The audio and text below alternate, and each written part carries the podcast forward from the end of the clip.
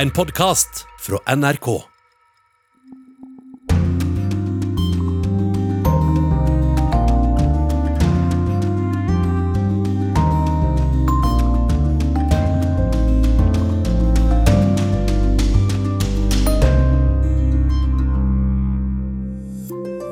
I Tyrkia leter redningsarbeidere etter overlevende etter jordskjelvet i går. Vi skal straks direkte til Istanbul. Terror og korona. I Frankrike kjenner folk seg dobbelt truet. I Polen går tusener ut i gatene i protest mot nye abortloven, og vi skal direkte til Warszawa. Ni år forsinket åpner Tabbeflyplassen i Berlin i dag, og her får du vite hvorfor den har fått det kallenavnet. Og så skal vi til USA, og spørsmålet er hva kommer til å skje etter valget? Vel møtt til Urix på lørdag, jeg heter Marit Kolberg. I Tyrkia leter letearbeiderne altså etter omkomne og overlevende etter det kraftige jordskjelvet i går.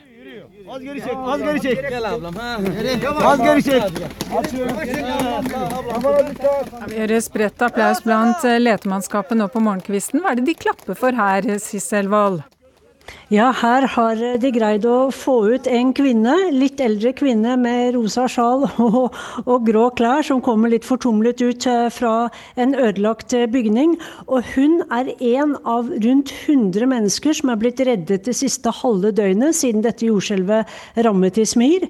Eh, sånn at det er faktisk mange som, som har overlevd dette voldsomme jordskjelvet, som jo varte nesten et halvt minutt. Nå har jo dagslyset vært en stund hos deg. Hva slags syn våknet folk opp til i dag?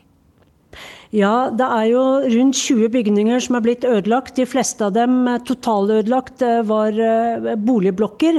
Men hvis du ser på den enorme forskjellen fra dette forferdelige jordskjelvet som rammet eh, Tyrkia i 1999, så er det stor fremgang. For da var det 112 000 bygg som kollapset. Og siden det har det skjedd mye med sikkerheten, hvordan man bygger opp boligblokker sånn at de skal tåle jordskjelv. Det siste tallet nå er 25 døde, 804 er skadd, og Ismir opplevde da 470 etterskjelv, og det har jo ført til at veldig mange mennesker ikke turte å gå hjem. De var ute i parkene i natt og i bilene sine.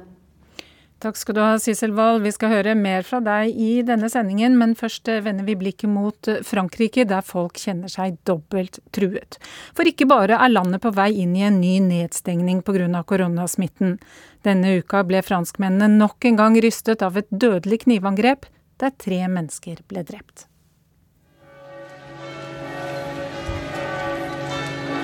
Klockorna ringer i alle Frankrikes kyrkor for å hedre de tre ofrene i den makabre terrorattacken som en 21-åring utførte i Notre-Dame-katedralen i Nice på Rivieraen. Men i Paris setter ändå ikke alle invånare skrekken for attentat først, utan... Écoutez, je ne veux pas dire que ça m'inquiète pas les menaces Charlie Hebdo, mais disons, enfin, le, le confinement, oui, ça me, bien sûr, ça m'inquiète, oui, oui.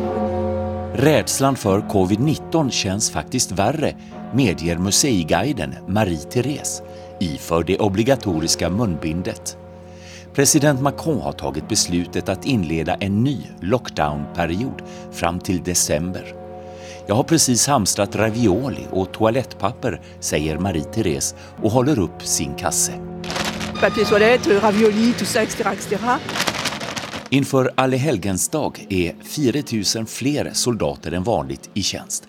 Totalt patrullerar nu 7 000 soldater framför officiella byggnader, kyrkor, synagogor, moskéer och kyrkogårdar. Vid Notre-Dame-katedralen i den franska huvudstaden är dock Camille och Simon förfärade över alla dåden. C'est sûr que ça nous fait de la peine. Euh, avec euh, tous les derniers qu'on vient de vivre, même Samuel Paty récemment. Frankrike är fortfarande i landssorg efter mordet på läraren Samuel Paty i mitten av oktober, menar Camille. Efter mordet insåg jag, som också är lärare, hur tufft det är att få alla landets invånare att acceptera rätten till yttringsfrihet. Kommer du att använda satirtidningen Charlie Hebdos omtalade karikatyrer i undervisningen när skolorna öppnar nu på måndag igen efter höstlovet, undrar jag. Vous utilisez les caricatures de Charlie Hebdo Oh ja, det är obligatoriskt i den franska undervisningen, svarar läraren Camille. Bien sûr, on va en reparler ensemble, bien sûr. Trots lockdown ska de franska skolorna vara öppna. Samuel Paty fick halsen avskuren av en radikal islamist efter att ha undervisat med Charlie Hebdos satirer. Han hyllas med ett hav av blommor vid sin arbetsplats ute i Conflans Saint-Honorin, väster om Paris och dit jag beger mig. En algerisk konstnär vid namn Boka rullar ut två långa färgglada täpper med namnen på alla offer som blivit dräpt i attentat världen runt sedan 2012. Ça devient plus long, oui. Et malheureusement, à chaque fois, j'espère que c'est le dernier nom que j'écris När jag började skapa konstverket trodde jag det skulle bli kort, men teppen blir bara längre och längre, säger Boka med en suck. Hon känner skam över att ett litet antal muslimer dödar i religionens namn. Plötsligt avbryter katoliken Pierre. Han bor strax intill skolan. Det är des êtres humains, et que ce soit un arabe, un- enfin l'islam, le, le catholicisme, moi je suis catholique. hein. Euh, bref. Det är dock inte en specifik religion som dödar, för det finns galningar överallt, påpekar Pierre. Och I torsdags försökte en högerextremist mörda en muslimsk butiksägare i sydfranska Avignon. Polisen kom snabbt på plats. Konstnären Boka utropar känslosamt. Jag är muslim och du som är katolik, du är min bror. Je suis musulmane, vous êtes mon frère. Ben oui, exactement. c'est mon frère. Frankrikes president vil bli yttringsfrihetens fremste forsvarare mot den islamistiske terrorismen. For et tak siden hevdet han at islam er en religion i kris. L'islam est une religion qui vit une crise aujourd'hui, partout dans le monde. Men uttalandet upplevdes som en provokation och Turkiets president Erdogan har svarat med att den där Macron, han borde låta sig sinnesundersökas.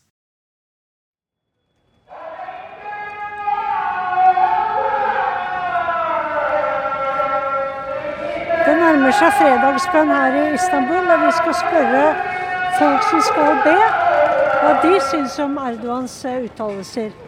Recep Tayyip Erdoğan bu ülkenin en güzel insanı. Öncelikle konuya böyle başlamak isterim. Recep Tayyip Erdogan er det vakreste mennesket i dette landet, mens Macron bruker fornærmende ord. Så selvsagt boikotter vi franske varer, sier Ufuk Akta, en ung mann med hvitt munnbind, vinrød dunvest over olivengrønn genser. Han skal kjøpe seg bil, og hadde sett på franske merker. Renault üzerine, Citroen üzerine, Peugeot üzerine almayacağım şu an. Prisene var gode, men jeg kjøper ikke nå. For jeg vil ikke kjøpe noe fra en som fornærmer profeten. Jeg vil boikotte franske varer helt til Erdogan sier at vi kan begynne å kjøpe dem igjen, sier Akta til NRK.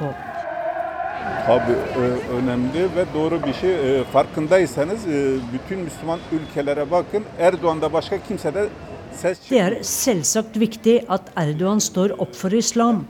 Se på andre muslimske land. Alle andre ledere er tause. Erdogan er den eneste som sier noe nå. Derfor støtter vi ham. Han har 100% rett i denne saken, sier Mehmet Firat, en mann i 50-årene, antrukket i hvit skjorte og mørk blå dressjakke. Både han og Akta sier at mens jøder og kristne har et godt liv i Tyrkia, blir muslimer hetset i Europa. Macron bør se seg selv i speilet, sier begge. Fra travle Istiklal rusler vi til den franske matvarekjeden Carrefour i bydelen Jihangir, en av de mest sekulære strøkene i Istanbul. Og her går handelen akkurat som før. På trappen utenfor Carrefour treffer vi Jan, med sveisen rett til værs og hipsterskjegg. Why do you think that President Erdogan is so angry with Macron now? Let me see. I, think, I, I, I can't really say, you know, because like it, it's such a wide range of possibilities. Det kan være mange grunner til at de krangler nå. Kanskje konflikten rundt gassleting i Øst-Middelhavet er grunnen? For Frankrike støttet jo Hellas. Kanskje Nagorno-Karabakh? Uh, but but, uh, but I, I saw a caricature. Jeg så en karikatur, og europeerne liker jo å lage vitser. Kanskje Erdogan ikke likte vitsen hans? Maybe Erdogan didn't like one of his jokes. That might be a reason. En av dem som kommer ut fra Carrefour med fulle bæreposer, er Ahmed Kirtak i grå dunjakke med hette. What do you think President Erdogan wants to obtain with this? What does he want? I think like the climate of politics is changing all around the world. It's not only Erdogan. A lot of politicians in Europe also. Klimaet i politikken har endret seg i hele verden. Politikerne snakker for hjemmebasen, mens de har en annen fortelling for internasjonale medier. Vi kan tro på det eller ikke, og slik er det i Frankrike også, sier Kritak, som har bodd 15 år i New York. Mange politikere leker med ilden, så dette er ikke nytt. Men du har radikale folk som ikke liker det de hører nå. Jeg respekterer ytringsfriheten, og vi kan være enige om å være uenige. Men det finnes mange som ikke ser det slik. If you are radical, doesn't matter which religion, Islam or I have a lot of I have met a lot of radical Christians. Og det finnes radikale og ekstreme fra alle religioner. Og jeg har truffet mange kristne ekstremister også, sier han. Og vi trenger virkelig ikke dette nå, for folk har mer enn nok med pandemien. Sier Ahmed Kritak, som er rystet over drapene i Frankrike. Ja, han kunne nesten ikke tro det var sant da han hørte om det. Reporter i Istanbul var Sissel Wold, og fra Paris hørte vi Johan Tolkert.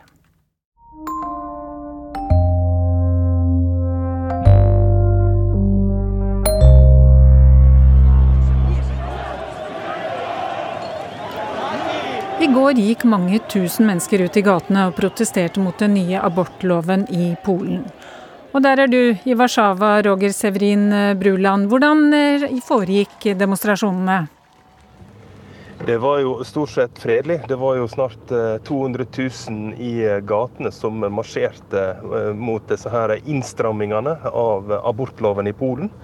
Men samtidig så var det jo også sammenstøt med nasjonalister, eh, nynazister, som hadde stilt seg opp for å forsvare eh, ulike kirker i Warszawa sentrum.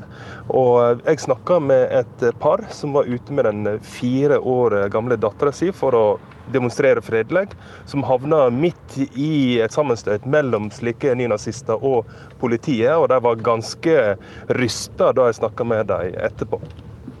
Jeg tenkte hvis de kommer uh, med pepperspray og prøver å banke oss opp og f.eks. miste kjæresten min uh, Beklager. Jeg ble, jeg ble, jeg ble, jeg ble stressa nå når jeg snakker om det. Ja, det er ventet demonstrasjoner over hele landet i dag, Roger. Hvorfor mobiliserer dette, denne nye loven så kraftig? Folk er veldig sinte, for de mener denne nye abortloven går altfor langt. Før så kunne en jo eh, ta abort i Polen hvis eh, fosteret var feil med kromosoner, altså Downs og andre kromosonelle feil. Det kan en ikke lenger. Og en mener også at eh, det kan gå så langt at det er fare for liv og helse, for en blir tvinget til å føde så så misdanner foster at det kan være fare for liv til mor, og det vil ta for lang tid å søke om en abort. Så i all praksis så er abort eh, forbudt nå i Polen. Og sjøl eh, folk som egentlig ikke er så veldig sånn eh, pro-choice i Polen, syns også det har gått for langt. Og en mener det at det går på verdigheten løs for polske kvinner. og Derfor så møter jo både kvinner og menn opp for å støtte polske kvinner. At eh, de skal ha en viss eh, rett over å bestemme over egen kropp. Du følger eh, disse demonstrasjonene i Polen videre for oss. Takk skal du ha, korrespondent Roger Sevrin Bruland. Valget i USA kan bli avgjørende for om den internasjonale klimadugnaden blir vellykket. Men i valgkampen har det vært lite snakk om den globale oppvarming. Det er helt andre saker som har dominert de siste ukene og månedene. We have a vaccine that's coming. It's ready. It's going to be announced within weeks. Det er dette det først og fremst har handla om. Hvem som er best til å håndtere koronapandemien. Anyone who's responsible for that many deaths should not remain as president of the United States of America. Mange vil nok si at klima burde ha vært et brennhett tema i den amerikanske valgkampen. Som ei stormakt og som landet med nest mest CO2-utslipp i verden, er det svært viktig hva slags klimapolitikk USA fører, både nasjonalt og internasjonalt. Men i et år med pandemi og tusenvis av døde ble det ikke slik. Likevel, klimasaka har på ingen måte vært helt fraværende. It'll start getting cooler. You just, you just watch. Biden har snakka om den ambisiøse klimaplanen sin, Trump har snakka om ren luft og rent vann. Og i kjent stil har de krangla også om klimatiltak. No, I don't support the Green Oh, New you don't? Oh, well, that's a big let- statement. I That means you the just Biden. lost the radical left. I, su- I support Oh, the don't? Biden plan that I put forward. Okay. Om tre dager er kampen om å vinne presidentvalget over. Da vil vi kanskje se om klima var ei vinnersak eller ikke. Om det har appell å snakke om klimakrise midt i ei krisetid for landet. Ja, det sa reporter Eivind Molde, og seniorforsker Guri Bang ved Norsk utenrikspolitisk institutt har fulgt klimatemaet og den amerikanske valgkampen tett. Man har opplevd at eh, klimasaken har kommet litt i andre rekke etter mer akutte problemer som koronapandemien og de økonomiske utfordringene som er, kommer som en følge av den. Det er jo gjerne sånn at når det kommer akutte kriser som får eh, konsekvenser for eh, arbeidsplasser og helse og, og eh, er veldig akutt, så, så kommer det gjerne foran klima- og miljøsaker på dagsorden for folk flest. Ja, Det kan da tydelig være en forklaring på hvorfor det har fått såpass lite oppmerksomhet. Men samtidig så er jo da USA et land som opplever skogbranner og ekstremvær og slike ting, eh, som jo folk virkelig kjenner på kroppen. Vi har jo sett eh, saker i løpet av året om, eh, fra California f.eks., hvor folk mister hjemmene sine i brann. Man skulle jo tro at klima og ekstremvær var noe som skulle vekke mer engasjement. Ja, det er jo sånn at amerikanske velgere eh, over tid har, eh, har sett klima som en stadig viktigere sak når de skal bestemme seg for hvordan de skal stemme. Um, og det viser seg jo nå i forskjellige meningsmålinger at uh, opp mot 60% av amerikanerne vektlegger klimaproblemet som et alvorlig problem som må håndteres. Og Joe Biden han har jo lagt fram en klimaplan som er veldig ambisiøs, og som er egentlig den mest ambisiøse planen som noen presidentkandidat noen gang har lagt fram. Og han eh, har snakka mye om den klimaplanen eh, i eh, valgkampen også. Men han har gjort det i en kontekst av å håndtere økonomikrisa som USA er inne i nå. Og hva med motkandidaten hans? Er klima noe han overhodet snakker om? Nei, Trump snakka egentlig ganske lite om klimaproblematikken, annet enn å avvise og spre usikkerhet om forskninga rundt eh, klimaproblemet. Det han har gjort i sin presidentperiode, det er å legge vekt på å fjerne flest mulig klimatiltak. Og han omtaler gjerne klimapolitikk som et hinder for økonomisk utvikling. Han har lagt vekt på å fjerne eh, mest mulig av reguleringene for olje- og gassindustrien. Og han snakka om at eh, den store veksten som USA har opplevd i skiferolje og skifergassindustrien må fortsette, og at USA skal ha en dominerende rolle i eh, verdensmarkedet på de her eh, områdene framover. Og dette er noe som appellerer også til velgerne i de delstatene hvor eh, de her industriene står sterkt, og som har en stor del av arbeidsstyrken i de her delstatene. Ja, og Vinner Donald Trump eh, valget, så er USA altså ute av Parisavtalen. Hvis eh, Joe Biden vinner, har han sagt at han vil melde landet inn i klimaavtalen på sin første arbeidsdag. I dag åpner Berlins nye flyplass 14 år etter at det første spadetaket ble satt i jorda. Da var budsjettet på rundt 2 milliarder euro, og åpningen var planlagt i 2011. Dagen i dag er sjette gang det er kunngjort at åpningen skal finne sted, for her er det mye som har gått galt. Vi har sett på noen av de tingene som gjør at denne flyplassen har blitt kalt tabbeflyplassen. Ingen fikk hovedansvaret for byggingen. Mange forskjellige entreprenører gjorde at den ene ikke visste hva den andre drev med. Nå er flere av dem gått konkurs, og prisen på flyplassen er på godt over 6 milliarder euro. Arkitekten likte ikke flyplasser som så ut som kjøpesentre, og tegnet inn bare noen få butikker. Men innbyggerne måtte ha butikker for å få inntekt. Dermed ble endringene så mange at man helt mistet oversikten over rommene. Byggearbeiderne fant ikke fram på kartet som viste hvor de skulle jobbe. Brannøvelser avslørte at alarmen slo ut på helt feil steder. Rørene i sprinkelanleggene var for tynne, og 80% av dørene var defekte. På taket var det støpt inn for lite stål. Ventilasjonsanlegget hadde vifter som var 1000 kg for tunge. Takene fikk sprekker og sank. Rulletrappene opp fra jernbanestasjonen var for korte. De var nemlig blitt bestilt før man begynte å forandre på tegningene. Toget ut til flyplassen sto klart for lenge siden. I ni år har det nå kjørt et tomt nattog fram og tilbake hver hverdag. Det skal sjekke at lyssignaler og penser virker, og sørge for luftsirkulasjon, sånn at ikke tunnelen blir dekket av mugg. Kostnadene bare for dette ble en gang anslått til to millioner euro i måneden. Ja, med oss nå, Guri Nordstrøm, du var korrespondent i Berlin fra 2015 til 2019. Du hadde vel kanskje egentlig trodd at det var du som skulle få dekke åpningen av denne flyplassen? Ja, og jeg var jo ikke den første som hadde trodd det. Det trodde nok også de som dekket Tyskland før meg. For som du sa, så skulle jo denne nye flyplassen i Berlin ha åpnet for ni år siden, altså i 2011. Og da jeg var korrespondent i Berlin, så fikk vi stadig meldinger om at nå åpner den, og nå åpner den, og nå åpner den. Men da jeg til slutt flyttet tilbake til Norge i 2019, så fløy jeg altså ikke fra den nye flyplassen. Det var fortsatt Tegel-flyplassen som gjaldt, og det var jo en flyplass som sammen med den andre flyplassen i Berlin, Schönfeld, altså to flyplasser fra 1940-tallet, for lengst hadde gått ut på dato.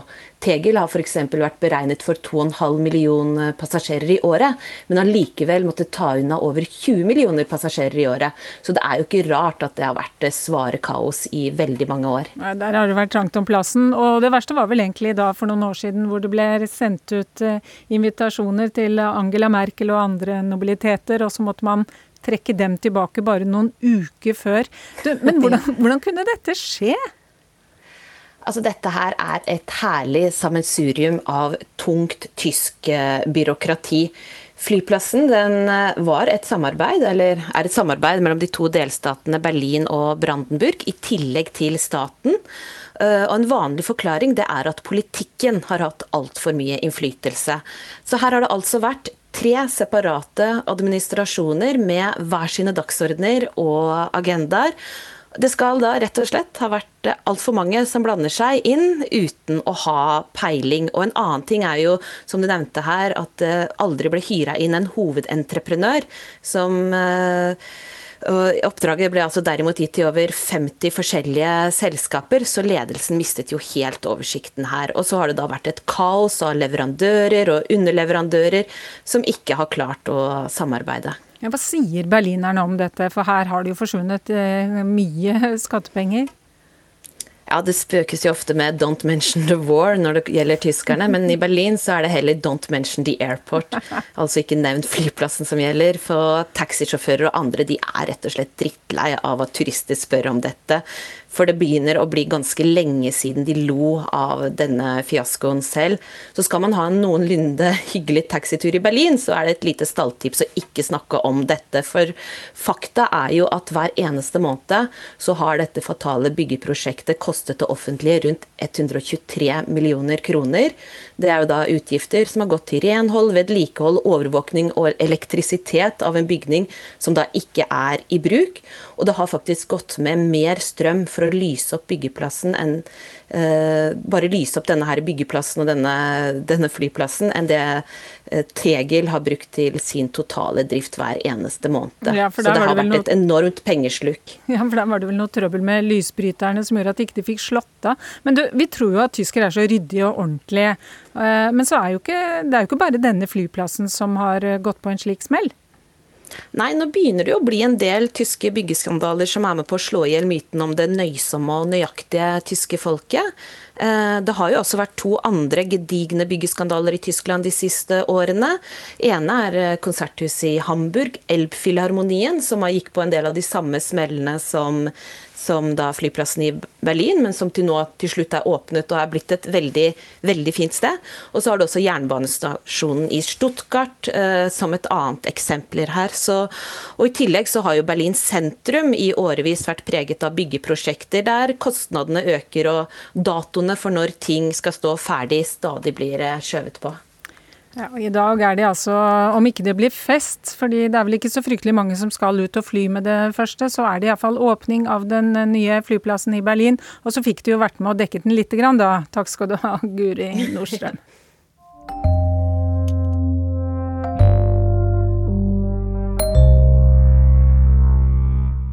Ja, da har vi i sendingen vår kommet fram til ukas korrespondentbrev. Det er fra Arnt Stefansen, denne gangen fra Bolivia. Jeg begynner å snappe etter luft allerede før flyet tar bakken. Deretter blir det verre og verre. Jeg er kommet til La Paz i Bolivia, den høyest beliggende hovedstad i verden. I løpet av noen timer har jeg reist fra Rio de Janeiro, der flyplassen ligger noen få meter over havet, til La Paz lufthavn, som ligger i en høyde av 4061 meter. Jeg har vært her før, men er absolutt ikke høy i hatten, hvis det er et passende uttrykk i denne sammenhengen. I så tynn luft er det betydelig fare for høydesyke. Og får man det, er det bare å komme seg ned i lavere strøk, noe som betyr at hele reportasjereisen går i vasken. Jeg er i Bolivia for å dekke valget, det første nasjonale valg i Latin-Amerika siden koronapandemien rammet regionen. Og pandemien øker ikke nettopp sjansen for å få gjort jobben. Bolivia er nemlig et av de fire-fem landene i verden som har flest ofre for covid-19 per innbygger. Den første arbeidsdagen i La Paz går jeg i sneglefart og tar pause omtrent hver tiende meter. I tillegg til den tynne lufta er byen bygget i en fjellside i Andesfjellene og har bratte gater.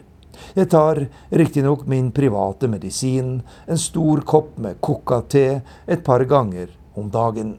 Men det går tre-fire dager før jeg venner meg sånn noenlunde til høyden. En eh, viktig kontakt under oppholdet er den bolivianske legen og forretningsmannen Stanley. Han kjenner folk overalt og ordner meg inn på Hospital del Norte, sykehuset som har ansvar for å behandle alvorlig koronasyke i hovedstaden. Der blir jeg tatt med til gul sone, der bare en glassrute skiller meg fra salen der intensivpasientene ligger.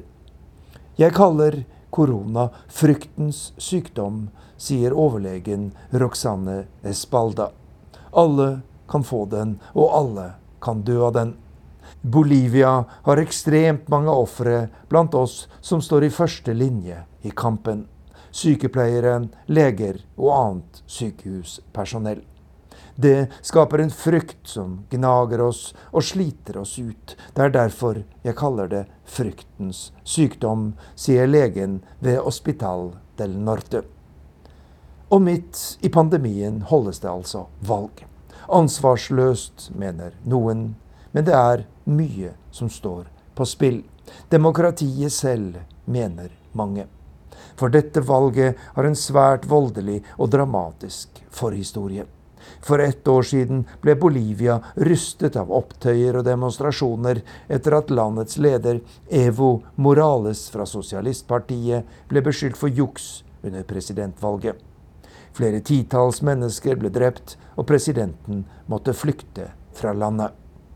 Nå prøver man altså på nytt, etter at pandemien har ført til flere utsettelser og høyresiden, som tok makten etter fjorårets drama, ligger best an på målingene, men ventet seier i annen valgomgang. 65% av bolivianerne vil ikke ha sosialistene tilbake, sier en selvsikker Carlos Mesa, den mest populære høyrepolitikeren.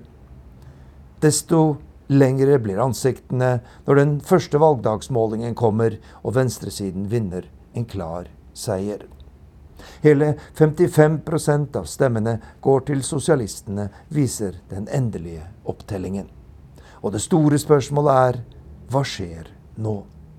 Den nyvalgte presidenten Luis Arce sier riktignok at han ønsker forsoning, men vil de som har mistet sine kjære eller er blitt utsatt for grove overgrep, bare la dette ligge?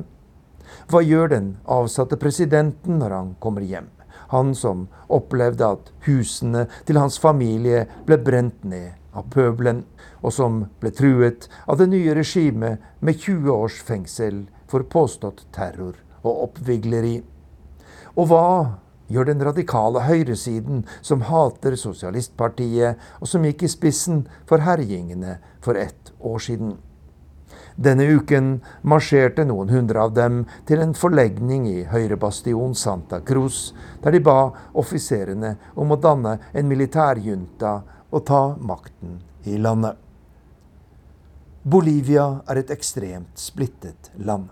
I det vestlige høylandet med Andesfjellene er det store flertallet såkalte coyas, fattige urfolk.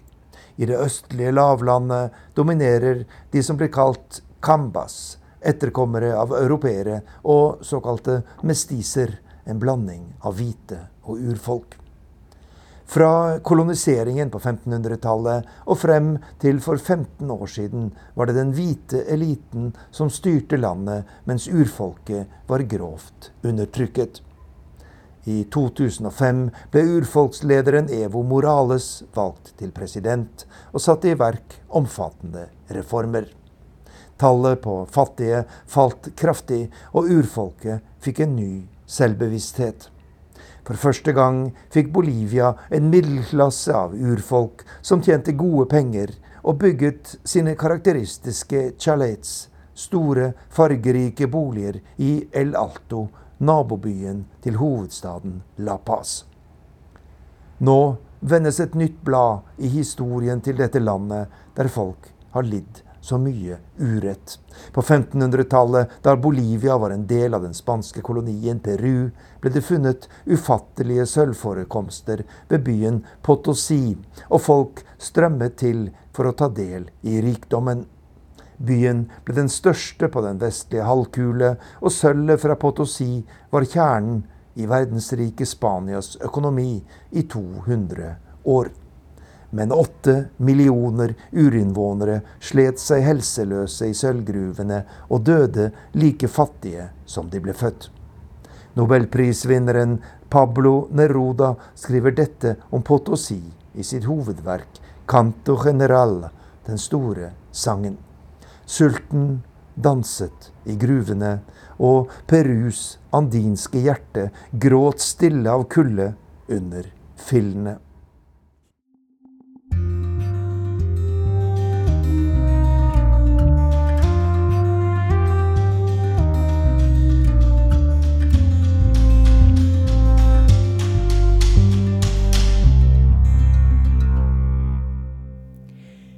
I ukas podkast er spørsmålet hva er det som kommer til å skje etter valget i USA?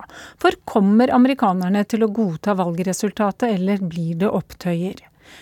Tove Bjørgaas har møtt urolige folk, både på høyre- og venstresiden, som er klare til å forsvare interessene sine, også med våpen.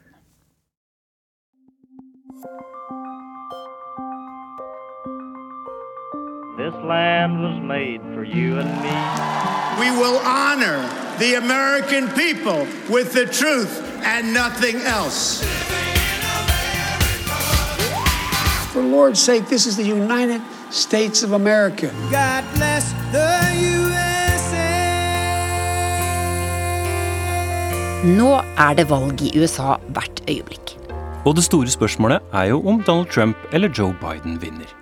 Men det enda større spørsmålet er hva som skjer etterpå. For folk virker å tro at landet går til helvete hvis den andre sida vinner.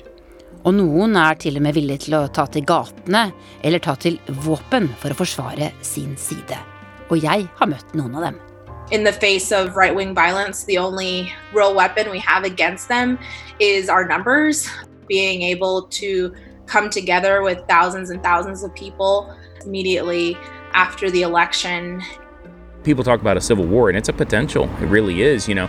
How many times can you come and burn down somebody's business to where they just get fed up with it?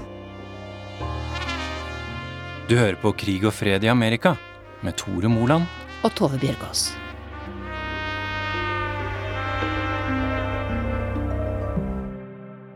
The state of our union has never been stronger. The state of our union is strong. The state of our union is stronger than ever before. The state of the union is strong, pleier de amerikanske presidentene å si når de skal oppsummere rikets tilstand. Men er den det akkurat nå, Tove? Det virker jo ikke sånn. Det ene er at eh, amerikanerne er så splitta at de ikke engang er enige om hvordan valget skal gjennomføres. Men det andre er jo også at de er uenige om hvordan de skal tolke valgresultatet, og, og hva slags samfunn omtrent halvparten av landet deres ønsker seg. Det er rett og slett helt uenige om veien videre. Nå har du reist rundt i en måned med krig og fred i Amerika. Hva slags inntrykk sitter du igjen med? Det er jo ganske dystert. Jeg har møtt folk i åtte-ni forskjellige delstater og snakka med dem om alt fra religion til økonomi, til pandemi, til deres syn på demokratiet, og også hvordan valget skal gjennomføres. Og så avslutta du turen din med å møte en veldig hyggelig fyr som har våpen på lur hvis valgresultatet ikke går som han vil. Ja. Alan, han er kanskje i midten av 40-årene. Han bor i en liten sånn ferieby som heter Myrtle Beach i Sør-Carolina. Eh, jobber på jernbanen. Fyller konteinere, tømmer konteinere. Veldig hyggelig fyr. So, yeah. Men veldig bekymra både for gjennomføringen av valget og hva som kommer til å skje etterpå. Han er da svoren Trump-tilhenger. We are in Myrtle Beach, South Carolina. Uh, I'm Alan Flores, uh, one of two guys that started Myrtle Beach Bikers for Trump. Um, we saw what was going on a few years ago, and uh, we just wanted to organize a little bit. You know, we, we just needed kind of to uh, send people in a direction, is about all it was. Alan er krigsveteran fra Irak og motorsykkelentusiast. For fire år siden brukte han sykkelen til å drive valgkamp for Donald Trump. Trump var den første politikeren som ga ham lyst til å gjøre en frivillig innsats. So, uh, you know, four years ago, the energy was was very high, in a positive way, I think. You know, and and uh, and right now, it's it's changed to uh, a lot of energy to to prevent something else, you know, from happening. Is, is kind of the direction it feels like. You know. Let's go back to 2016 first. What did it feel like on that election night when, when, when Trump won? I needed a drink, let me tell you, because they were stressing me out. Um, you know, it was, uh, you know, oh, well, you know, which way is Michigan to go? Which way is this to go? Which way is Florida to go? And, uh, and when those things started happening, you, you kind of get that feeling like, holy crap, this is really happening. This, this, you know, we, did, did we make a difference? I don't know, but, but this is happening. And, uh, you know, the, extremely exciting but but stressful. We we had a, a personal interest in it at that point, which uh, we we never did before. It felt like we had made a difference. How do you feel about this election coming up? Uh, it depends on a couple of things. This uh, this mail-in voting ballots is a problem. That that we you know now if the the mail carriers union has come out and endorsed Biden, then they could potentially be swayed to maybe lose votes or or you know forget to deliver these in time from specific areas. And then two days ago, they found eight ballots in a waste paper basket. Unfortunately, they all had the name Trump written on them. We were going to vote for Trump. They were military ballots, the military.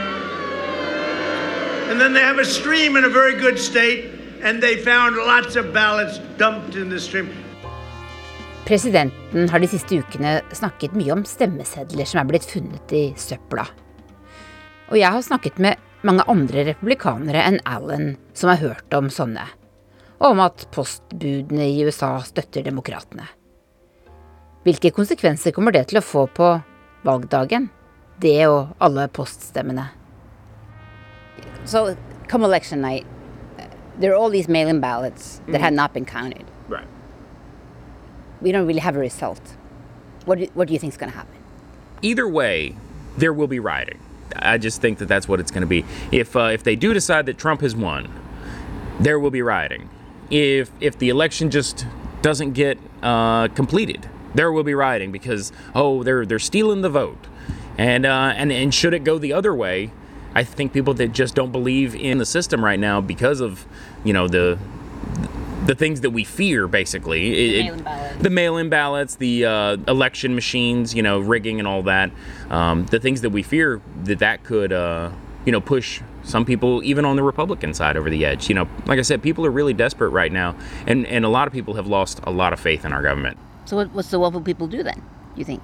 this place as an example you, you show up to enough businesses and try to burn them down somebody's going to come and defend them and well how long will it go on? Okay well you know me and my buddies show up to you know to defend this place well then him and his buddies show up well then you know violence ensues and okay well now they feel like there is a debt owed to them because some of their people got hurt okay so they're going to retaliate against us and it, and it just goes back and forth and back and forth But you have you have weapons at home? Yes.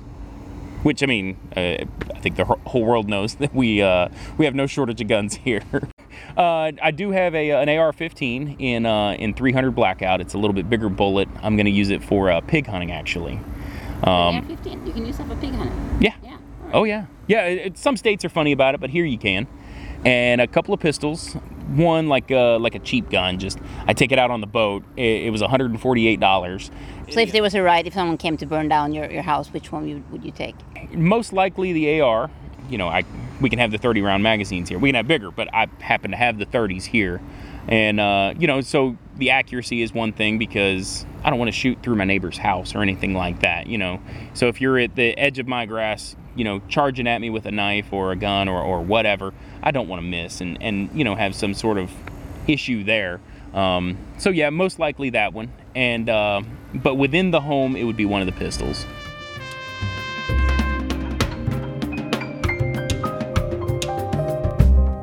Du Tore, Alan han har altså tenkt gjennom hva han har å forsvare seg med etter valget.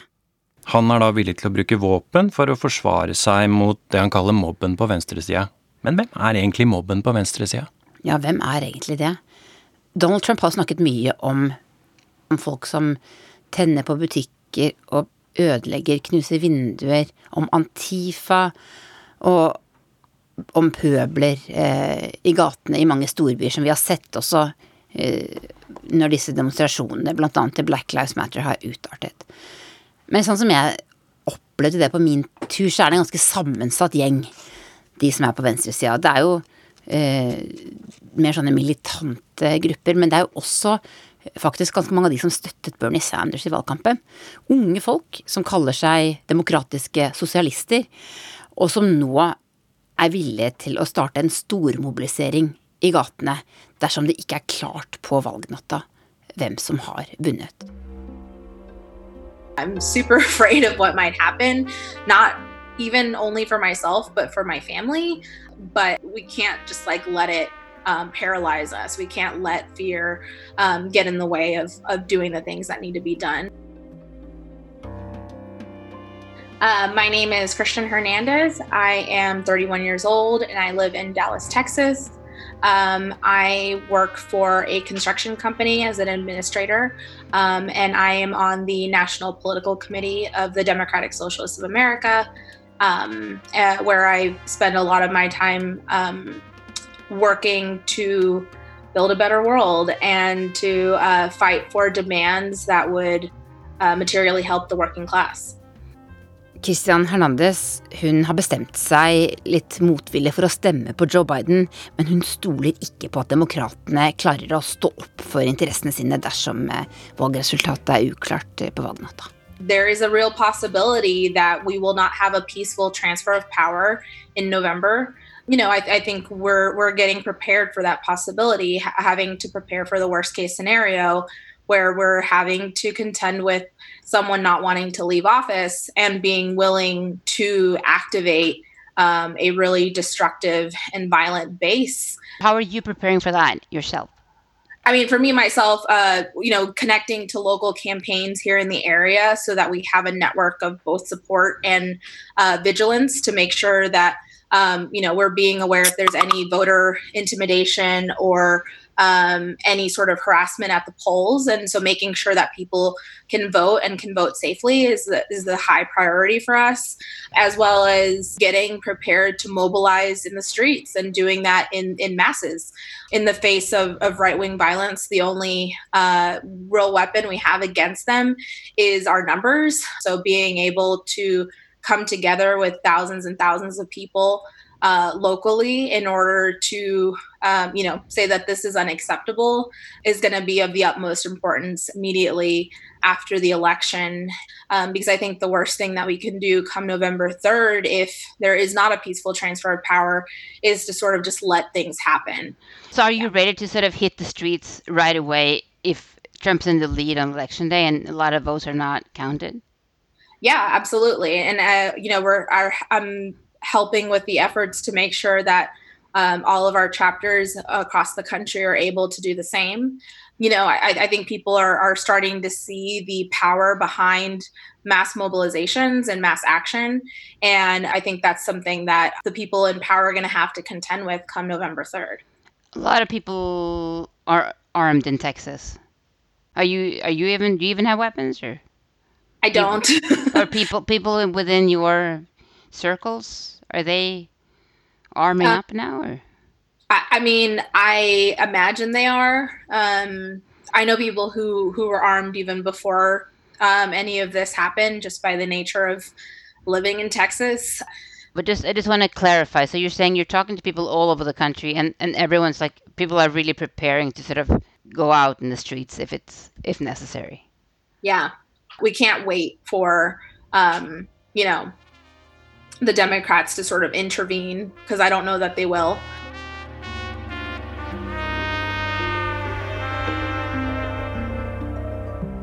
Tove, når jeg hører de folka du har møtt på høyresida og venstresida, så tar jeg meg i å lure på hvor mange er de egentlig? Det tror jeg ikke vi vet.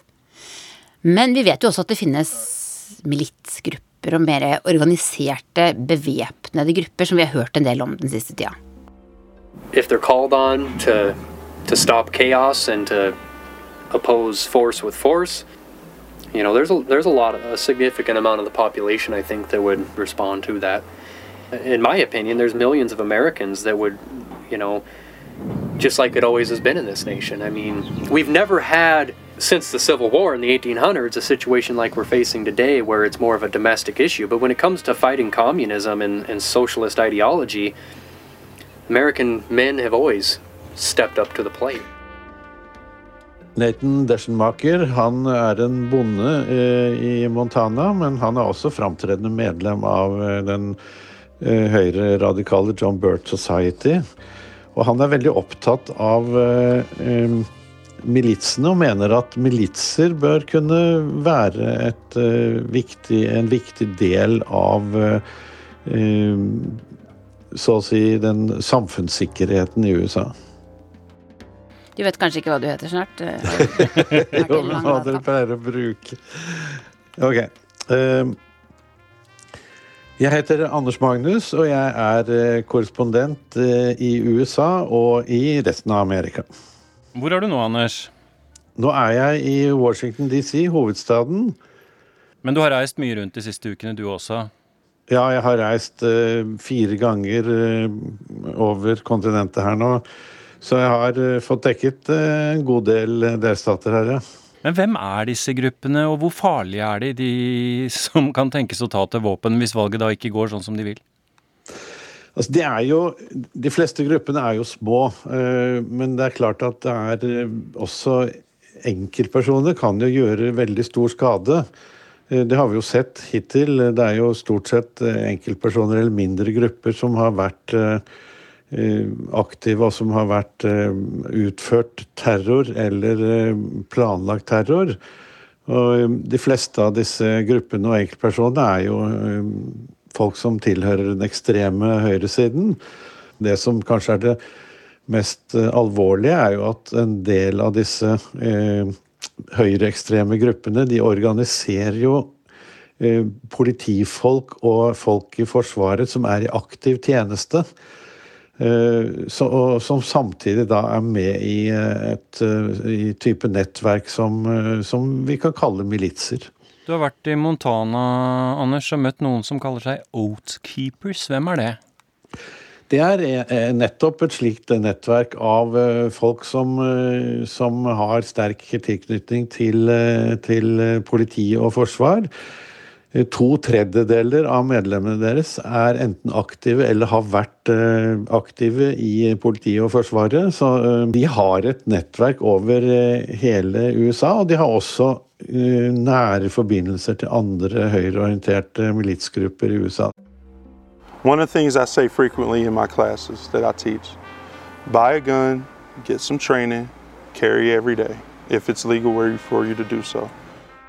Du har møtt, eh, Anders, eh, en som heter Greg McWorther fra denne Oathkeepers-bevegelsen, som også er visesheriff. Hva, hva, hva er det han driver med? Nei, Han driver en øh, Ved siden av jobben som visesheriff, så har han altså en egen privat øh, skole hvor han driver med skyteopplæring. og og Samtidig så er han jo da medlem av denne bevegelsen Outkeepers, så han har mange hatter. Men det er eh, tydeligvis helt uproblematisk i det samfunnet han eh, opererer i. De, lokalbefolkningen vet jo om dette, det har jo stått i avisen også. så og det er heller ingen av hans sjefer som har grepet inn i, i, den sammenheng. I have the same thing, AR-15. Yeah. Why do I have it? Yeah. Multiple reasons. Number one being defense. Oh, we have the right to, we have the freedom to. I can walk out here legally, and we want to keep and protect that, as always. Og så har du vært i Michigan, Anders, og møtt uh, noe som høres ut som en popgruppe? The Boogaloo Boys. Ja, det, det Navnet har de jo tatt fra en uh, en eh, dansefilm, eh, breakdance-film, eh, som het 'Breaking to Electric Boogaloo'. Og disse folkene de ser jo for seg at det kommer en borgerkrig i USA, altså Civil War II, den andre borgerkrigen. Og det er det de forbereder seg på. Er de bitte små marginale grupper, Anders, eller er de viktige ja, i det politiske landskapet? De, de, synes, og de eh, har jo vært med på noen av dem, eh, å planlegge å kidnappe eh, guvernøren i både Michigan og Virginia. Og der planla de også å skyte politifolk og politikere for på den måten å sette i gang et slags kupp i delstatsregjeringen. Jeg er litt nysgjerrig på én ting. Jeg har snakket med folk på høyresida som ikke er organisert på, på samme måte som de som du møtte i Montana. Men, men sier disse menneskene noe om eh, de opplever noen slags marsjordre fra presidenten? Om de opplever at de har fått et slags oppdrag? De jeg snakket med, sier ikke det, men eh, det er nok en del eh, av gruppene på den ekstreme høyresiden som oppfatter at presidenten støtter dem, og at de skal være beredt, så å si, til å gripe inn hvis han gir ordre om det. Ålreit, Tove. Krig og fred i Amerika. Onsdag 4. november. Blir det krig, eller blir det fred i Amerika? Jeg skal ikke le, men vi får håpe det blir eh, mest fred. Hva avgjør? Jeg tror det blir veldig viktig hva Donald Trump sier på valgnatta. Hvis han ikke vinner valget, hvis vi vet det tidlig, eller hvis det er veldig uklart hva som skjer, kommer han da til å si nå må dere gå hjem og forholde dere rolig, folkens. Han har jo ikke sagt det så veldig mye. Han har vel egentlig heller sagt det motsatte? Det han har sagt veldig ofte, det er jo 'vi får se hva som skjer'. Men det kan han vel ikke fortsette å si når valgresultatet foreligger? Da må han si enten 'dette aksepterer jeg', eller 'dette aksepterer jeg ikke'. Det får vi se. Vi må rett og slett se hva som skjer, men jeg tror også at uh, en uklar beskjed fra presidenten til de gruppene som og de menneskene som vi har snakket om nå, er noe av det farligste som, som, som kan skje. Du har hørt Krig og fred i Amerika, en podkast fra NRK Urix. Lydregien var ved Hilde Tosterud. We'll see what happens. We'll see what happens. We'll see what happens. We'll see what happens, folks. We'll see what happens.